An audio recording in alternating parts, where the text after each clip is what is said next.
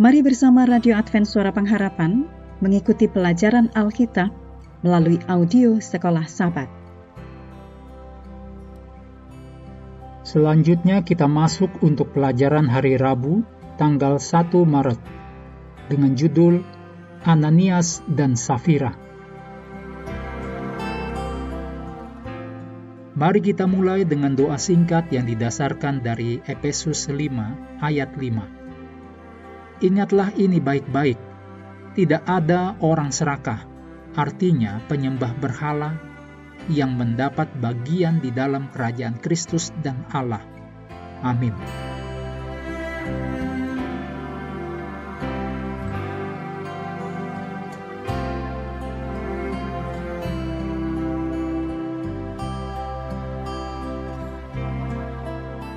adalah saat yang menggembirakan menjadi anggota gereja setelah kecurahan Roh Kudus yang besar pada hari Pentakosta, rasul-rasul mengkhotbahkan Injil dengan kuasa dan ribuan orang bergabung dengan gereja.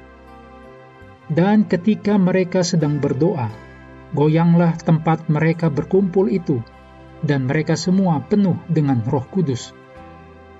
Lalu mereka memberitakan firman Allah dengan berani Adapun kumpulan orang yang telah percaya itu, mereka sehati dan sejiwa, dan tidak seorang pun yang berkata bahwa sesuatu dari kepunyaannya adalah miliknya sendiri, tetapi segala sesuatu adalah kepunyaan mereka bersama. Demikian ditulis dalam kisah 4 ayat 31 dan 32. Kesempatan besar dimiliki oleh dua orang ini – Ananias dan Safira, yaitu menjadi bagian dari gereja mula-mula, melihat gereja bertumbuh dan melihat perwujudan Roh Kudus dalam cara yang nyata. Di dalam kisah 4 ayat 34 dan 35 dikatakan, Sebab tidak ada seorang pun yang berkekurangan di antara mereka, karena semua orang yang mempunyai tanah atau rumah menjual kepunyaannya itu, dan hasil penjualan itu mereka bawa dan mereka letakkan di depan kaki rasul-rasul. Lalu dibagi-bagikan kepada setiap orang sesuai dengan keperluannya.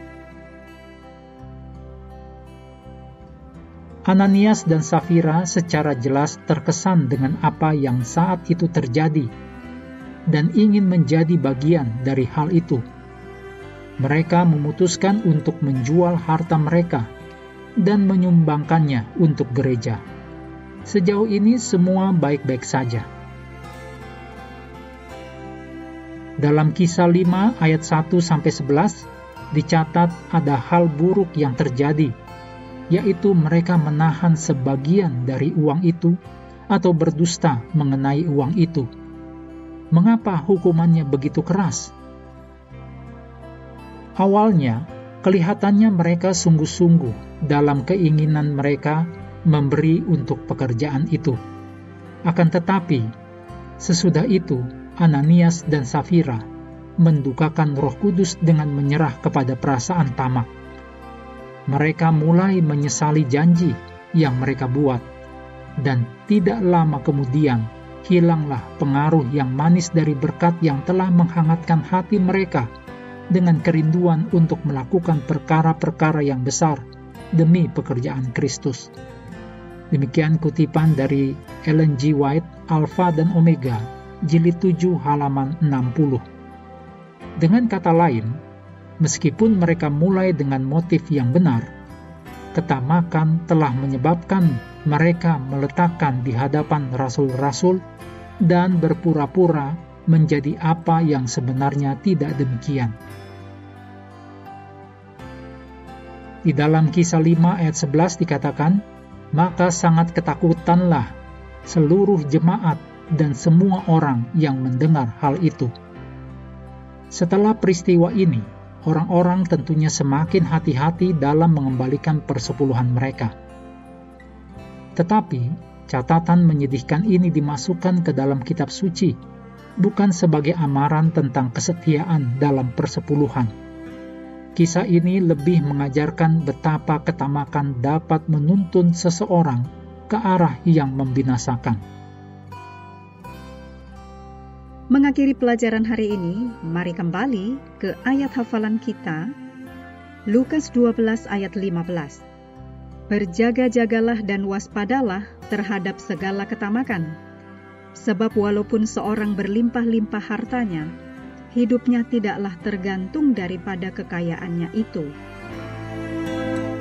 Kami terus mendorong Anda untuk mengambil waktu bersekutu dengan Tuhan setiap hari, baik melalui renungan harian, pelajaran sekolah sahabat, juga bacaan Alkitab sedunia percayalah kepada nabi-nabinya, yang untuk hari ini melanjutkan dari Esra pasal 9. Tuhan memberkati kita semua.